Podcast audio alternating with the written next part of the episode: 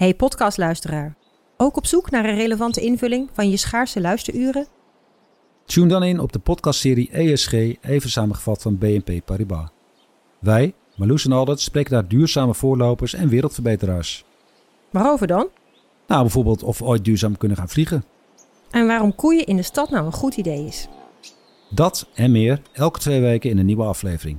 Dus abonneer je. ESG, even samengevat. Ik ben al jaren ondernemer, maar waar moet ik eigenlijk allemaal aan denken nu ik voor het eerst personeel wil aannemen, voor het eerst ga importeren of voor het eerst een bedrijfslocatie zoek? Weet wat je wel of niet moet doen bij zaken die je voor het eerst oppakt. Check kvk.nl voor praktische stappenplannen. KVK, hou vast voor ondernemers.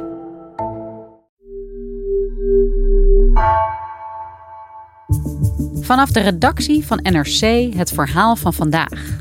Mijn naam is Floor Boon.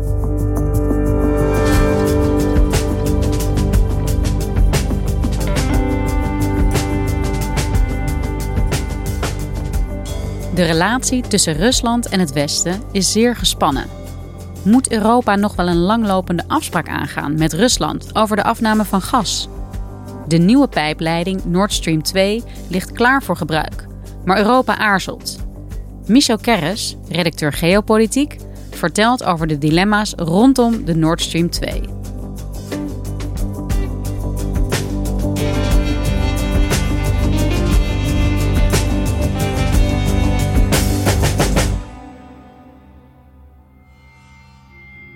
Weekend, Russia sent two nuclear capable long range bombers to patrol the skies over Belarus, part of its message to NATO to stay out of the region. De relatie tussen Rusland en het Westen is aan het begin van dit jaar uitermate gespannen. If Russia continues to engage in uh, reckless or aggressive actions, we will respond and we'll respond strongly. Dat komt natuurlijk omdat Rusland sinds een paar maanden 150.000 militairen heeft samengetrokken aan de grens met Oekraïne. Satellite images from the last two months show Russian battle groups training near the border, a build-up that the US and Ukraine fear could be a prelude to a full-scale Russian invasion. En dat komt eigenlijk bovenop een periode waarop die relatie sowieso al achteruit ging. Denk aan de arrestatie van de oppositiepoliticus Navalny. Denk aan de cyberattacks die we vanuit Rusland krijgen. Denk aan de beïnvloeding van de Amerikaanse verkiezingen in 2016. Uh, deze dagen is er voortdurend diplomatiek overleg. Dus er wordt gesproken in Brussel, in Washington, in Moskou vandaag, in Genève op maandag, uh, dinsdag weer in Brussel. Om te proberen uh, de relatie te ontzenuwen. Daarnaast is het zo dat we hele hoge energieprijzen hebben. Op dit moment om verschillende redenen. En de energiehandel tussen Rusland en met name Europa speelt in dat grotere conflict een belangrijke rol. Uh, wij nemen als Europa uh, ongeveer 40% van ons gas af uit Rusland. En Rusland exporteert ongeveer 70% van zijn gas aan Europa. Maar de vraag is natuurlijk of we van zo'n onberekenbare partner als Rusland inmiddels is, of we daar wel zoveel gas van willen afnemen. Of we daar eigenlijk überhaupt wel mee willen handel drijven. Uh, dat gas komt uh, traditioneel via pijpleidingen tot ons. Die lagen vroeger in uh, heel Europa. En dan zijn er twee nieuwe gebouwd in de Oostzee. Dat zijn de zogenaamde Nord Stream 1 en Nord Stream 2 leidingen.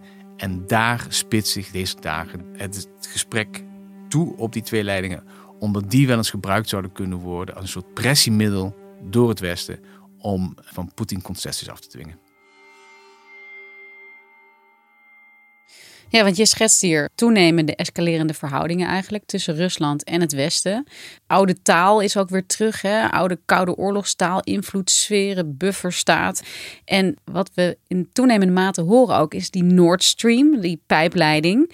Uh, en dat is ook waar we heel graag vandaag even op willen inzoomen als element in dat grotere spanningsveld. En om even meteen te beginnen, Michel, er is al een pijpleiding, in werking ook, de Nord Stream 1. Ja, je moet het zo zien, er liggen twee pijpleidingen. En die pijpleidingen die moeten gas uit Siberië naar de Europese markt brengen. Dus je moet je dat voorstellen, die pijpleiding vertrekken is ongeveer bij Sint-Petersburg, gaan dan over de bodem van de Oostzee en landen aan in Duitsland, in Greifswald. Dat is 1200 kilometer aan stalen buizen. Die daar met een grote precisie aan elkaar gelast worden. Die, die elementen zijn geloof ik 12 meter lang en, en meters in doorsnee. En het gas dat doorheen stroomt, eh, daar kun je 20 miljoen huishoudens eh, mee verwarmen. Dus het is echt een groots eh, project. En er is één pijpleiding, Nord Stream 1. Eh, de bouw daarvan is begonnen in 2005. Het ding is in 2011 af. Daar stroomt sindsdien gas doorheen voor de Europese markt. Later is men begonnen aan de bouw van een tweede leiding. Die ligt er een, vrijwel naast. Dat is de Nord Stream 2. En Nord Stream 2 is net afgebouwd, maar zit nog te wachten op de juiste vergunningen. Dus dat is de situatie met die twee leidingen op dit moment. En wat was aanvankelijk het idee van de bouw van die leidingen op deze manier, zo door die Oostzee, om het daar te leggen in plaats van door die, al die andere landen waar het vroeger doorheen ging? Ja, er waren eh, verschillende redenen voor. Eh, de eerste was dat de gasbehoefte in Europa nam toe. Dus Europa wilde graag gas importeren uit Rusland.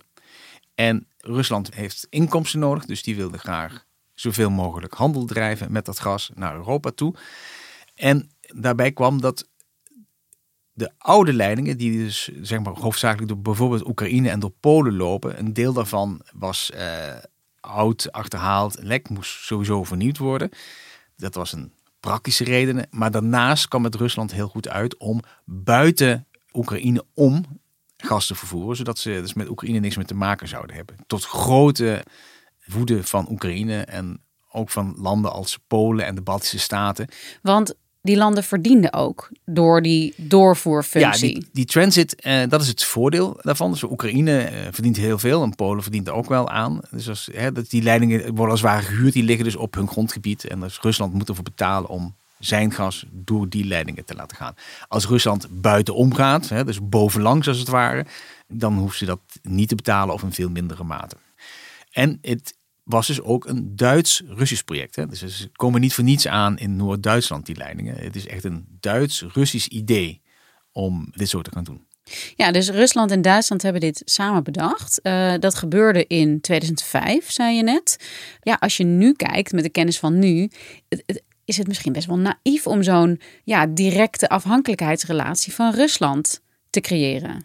Ja, nou ja, daar zijn eigenlijk van meet af aan de meningen enorm over verdeeld geweest de Oost-Europese landen, Polen voorop, was eigenlijk van meet af aan hier tegen gekant. En zei van, dit is heel slecht om zo afhankelijk te worden van Rusland. Dat is strategisch gewoon heel onlogisch. In Berlijn wilden ze daar eh, niks van weten. Die vonden het een prachtproject en hebben altijd gezegd, het is een zuiver economisch project. Dus we gaan dit gewoon doen. En waarom wilde Duitsland dit altijd op deze manier zo graag?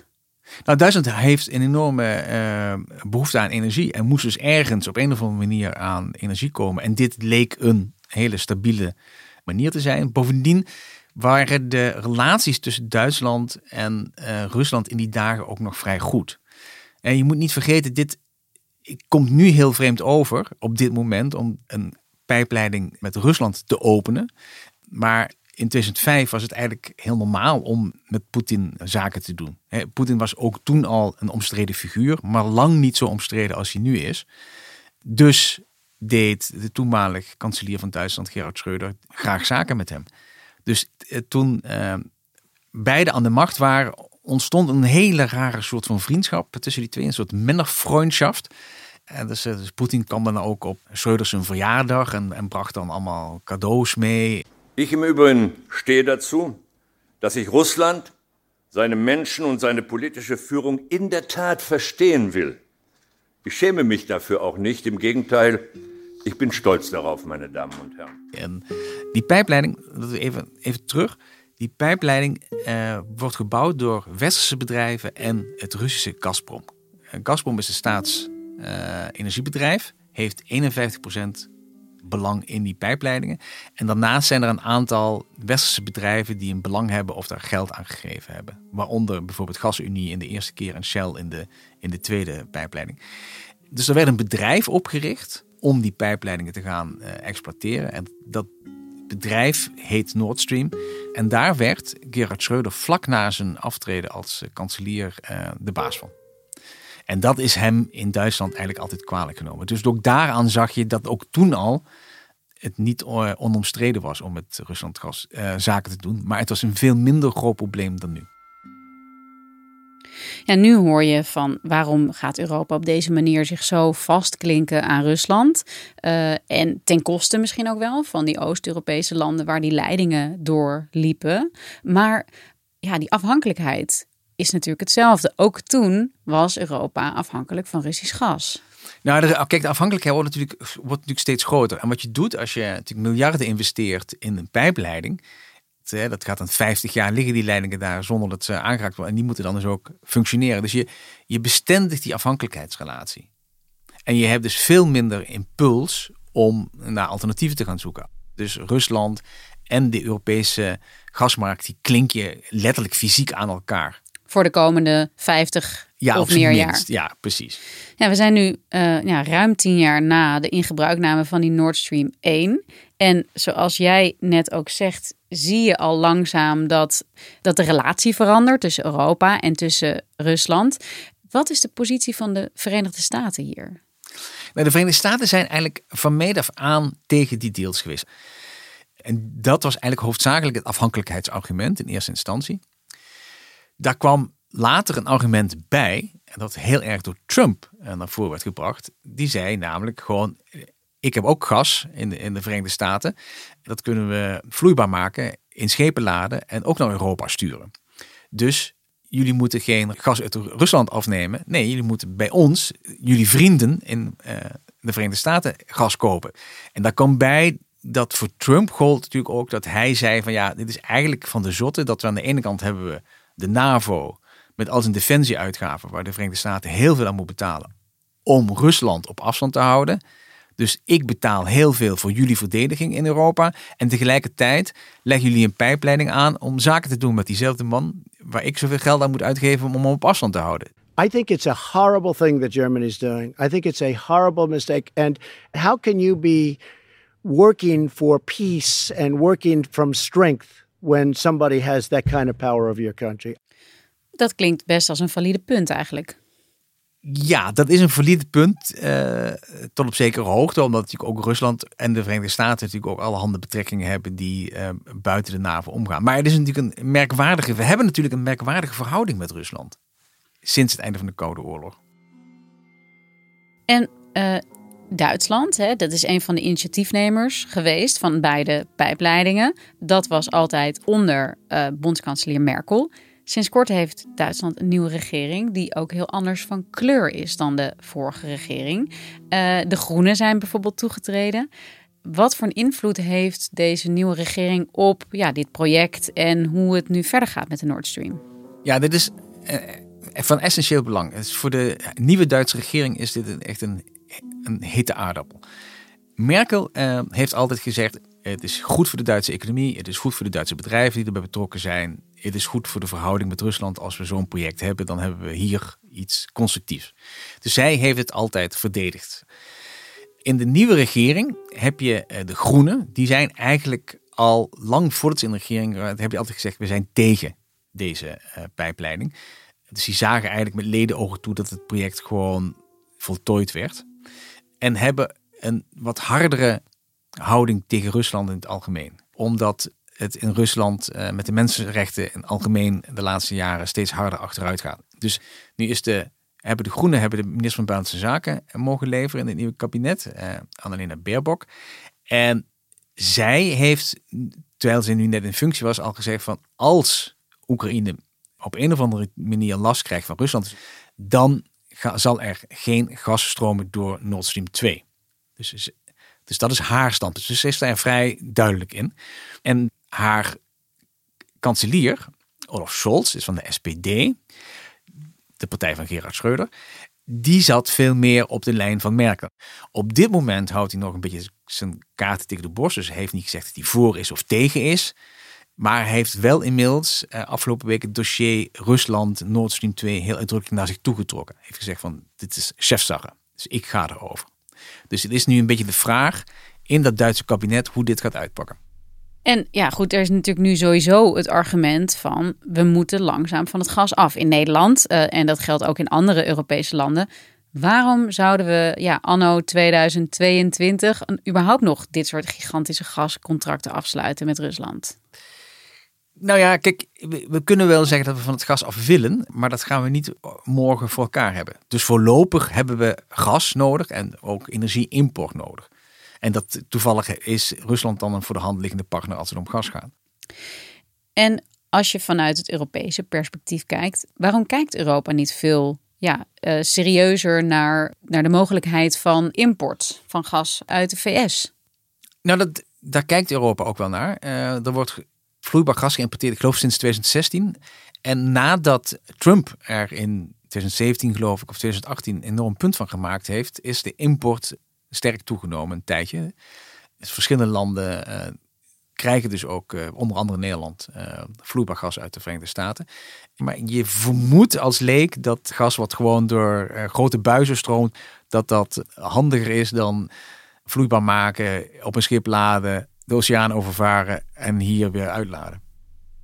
Ja, want je schetst eigenlijk het beeld van een, hè, een, een project dat dus al jarenlang aan de gang is, dat steeds meer een omstreden karakter ook heeft gekregen.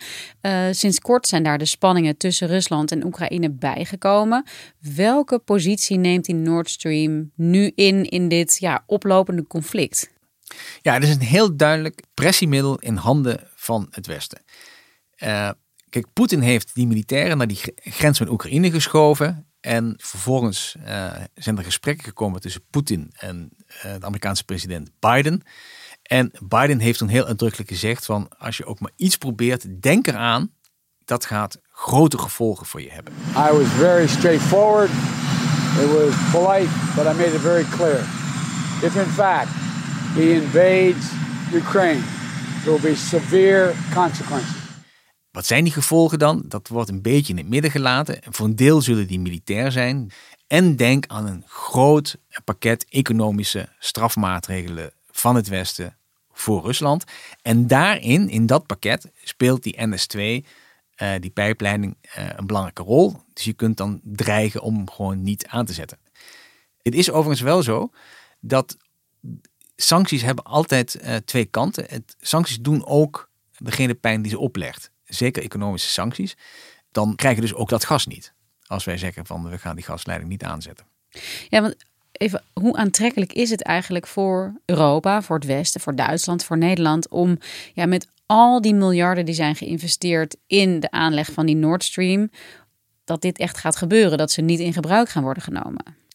Nou, kijk, die Nord Stream 1 die, die functioneert gewoon. Hè, dat, dat gas vloeit gewoon, dus dat, dat draait. En Nord Stream 2 is dus de gekke situatie, die is dus niet net af er is wel gas in die leiding gepompt, dus zover zijn ze al.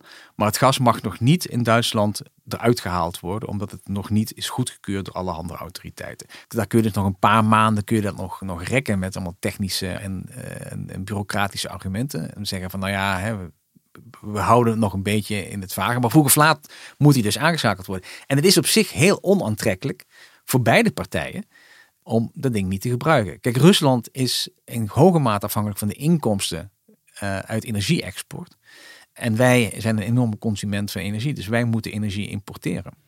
Maar die argumenten nu, die bureaucratische regels die er nu nog voor liggen, dat is eigenlijk, dat zijn ja, maniertjes eigenlijk om Europa tijd te geven om te zeggen van moeten we dit eigenlijk wel doen? En dus vinden we bureaucratische uh, vertragingsmiddelen.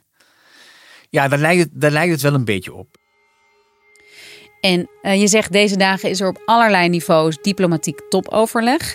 Wat verwacht je dat er uitkomt, dat er gaat gebeuren? Nou, zoals je zegt, er wordt eh, veel gesproken op dit moment. En dat is natuurlijk op zich een goed teken. En je hoopt natuurlijk dat dit op een of andere manier tot een constructief en structureel gesprek met Rusland gaat leiden. Zodat langzaam de spanningen afnemen. Dat hopen we natuurlijk in de eerste plaats voor Oekraïne. Want daar is nog steeds een conflict dat al sluimert sinds 2014 en dat steeds maar weer eh, oplaait. Dus we hopen dat dat een keer echt opgelost kan worden en zeker niet verder escaleert. Maar dat is natuurlijk wel het punt met die Nord Stream 2. Als dat instrument daadwerkelijk ingezet wordt, dan betekent dat dat er een escalatie van Rusland jegens Oekraïne aan vooraf gegaan is. En dat is iets wat we natuurlijk aan het begin van het nieuwe jaar eh, niemand toewensen, maar zeker Oekraïne niet.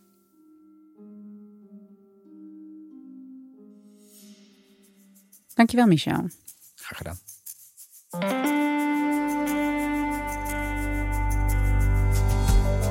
Je luisterde naar vandaag, een podcast van NRC. Eén verhaal, elke dag. Deze aflevering werd gemaakt door Stef Visjager en Ruben Pest. Dit was vandaag. Maandag weer.